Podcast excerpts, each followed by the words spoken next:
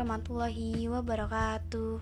Hai semua, apa kabar? Balik lagi sama aku Muntiara Lestari Kali ini aku akan membahas macam-macam ancaman terhadap keutuhan NKRI Yuk kita langsung aja. Pertama-tama pengertian ancaman.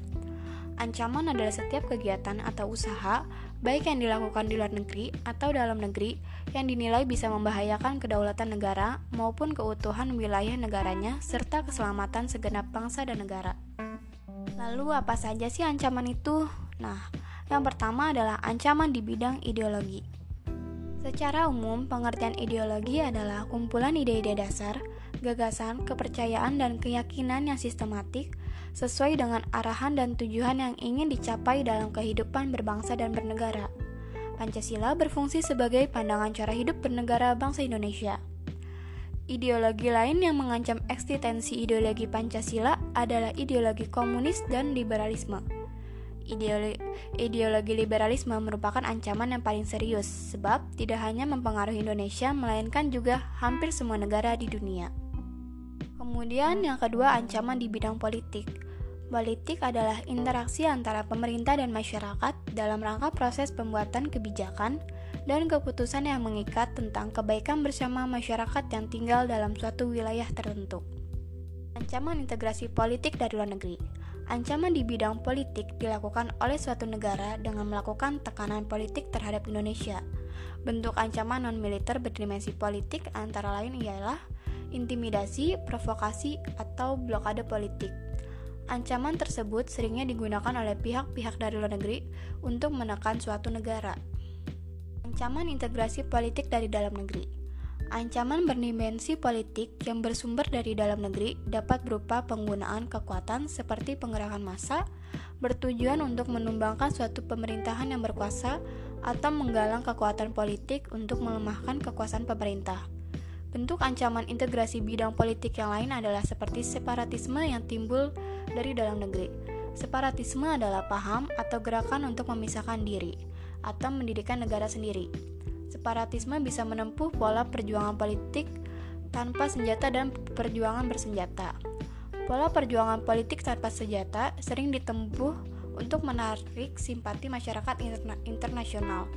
Maka dari itu, separatisme sulit dihadapi dengan menggunakan kekuatan militer.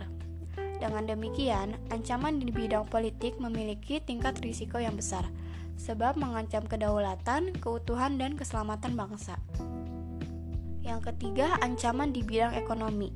Ekonomi adalah salah satu cabang ilmu yang mempelajari perilaku dan tindakan manusia untuk memenuhi kebutuhan hidupnya.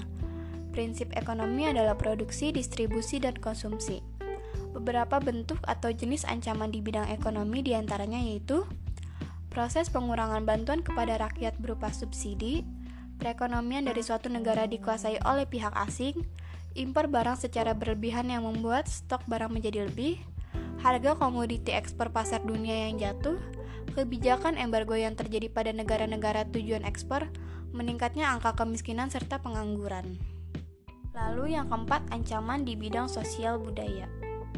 Sosial budaya adalah segala hal yang dicipta oleh manusia dengan pemikiran dan budi nuraninya untuk dan atau dalam kehidupan bermasyarakat. Atau lebih singkatnya, manusia membuat sesuatu berdasar budi dan pikirannya yang diperuntukkan dalam kehidupan bermasyarakat. Ancaman terhadap integrasi nasional bidang sosial budaya dari dalam didorong oleh faktor-faktor sebagai berikut, yaitu isu kemiskinan, isu kebodohan, isu keterbelakangan, dan isu ketidakadilan. Isu-isu tersebut dapat menjadi titik pangkal timbulnya permasalahan dalam bangsa Indonesia antara lain seperti separatisme, terorisme, kekerasan bencana akibat perbuatan manusia. Adanya isu-isu yang menjadi faktor pendorong ancaman terhadap integrasi nasional akan mengancam persatuan dan kesatuan bangsa, nasionalisme, dan patriotisme.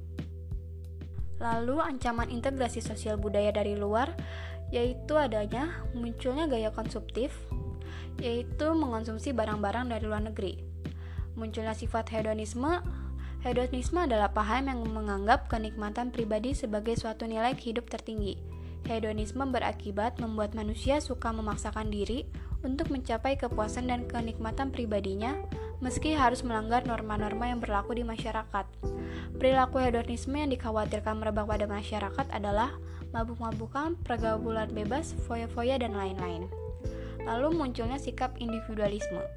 Sikap individualisme adalah sikap selalu mementingkan diri sendiri, serta memandang orang lain itu tidak ada dan tidak bermakna.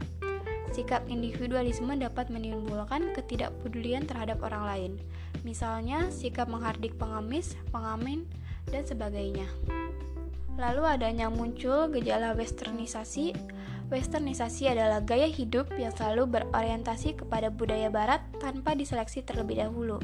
Misalnya meniru model pakaian yang biasa dipakai orang-orang barat yang sebenarnya bertentangan dengan nilai dan norma-norma yang berlaku di masyarakat Indonesia. Contoh perempuan memakai rok mini dan lelaki memakai anting-anting dan contoh sebagainya. Dan yang terakhir yaitu semakin memudarnya kepribadian luhur bangsa dapat terlihat dari semakin memudarnya semangat gotong royong, solidaritas, kepedulian, dan kesetiakawanan sosial. Juga lunturnya nilai-nilai keagamaan dalam kehidupan bermasyarakat. Lalu ancaman yang terakhir, yang kelima adalah ancaman di bidang pertahanan dan keamanan.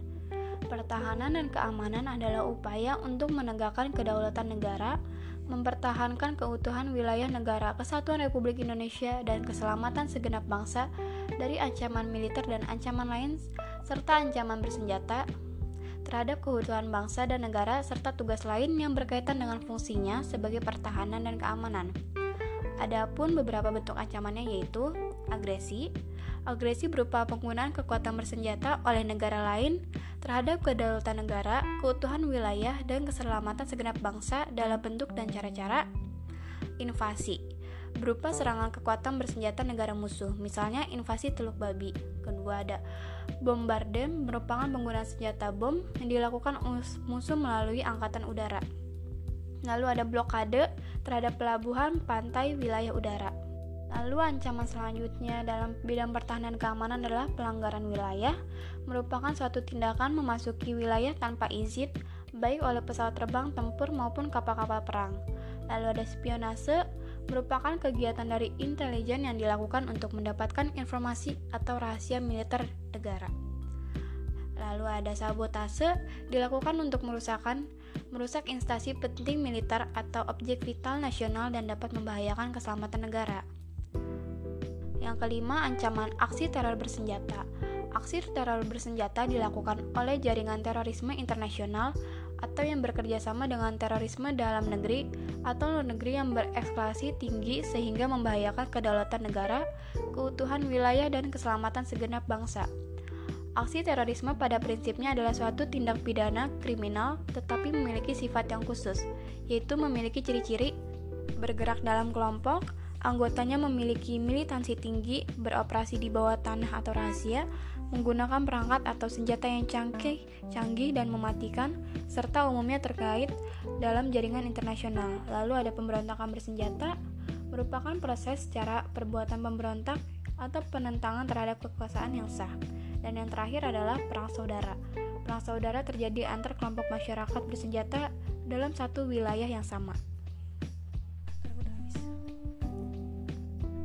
Itu dia ancaman-ancaman yang mengancam keutuhan NKRI. Mungkin segitu saja yang dapat saya sampaikan. Bila ada kesalahan kata mohon dimaafkan. Saya pamit undur diri. Semoga bermanfaat bagi kalian semua. Wassalamualaikum warahmatullahi wabarakatuh.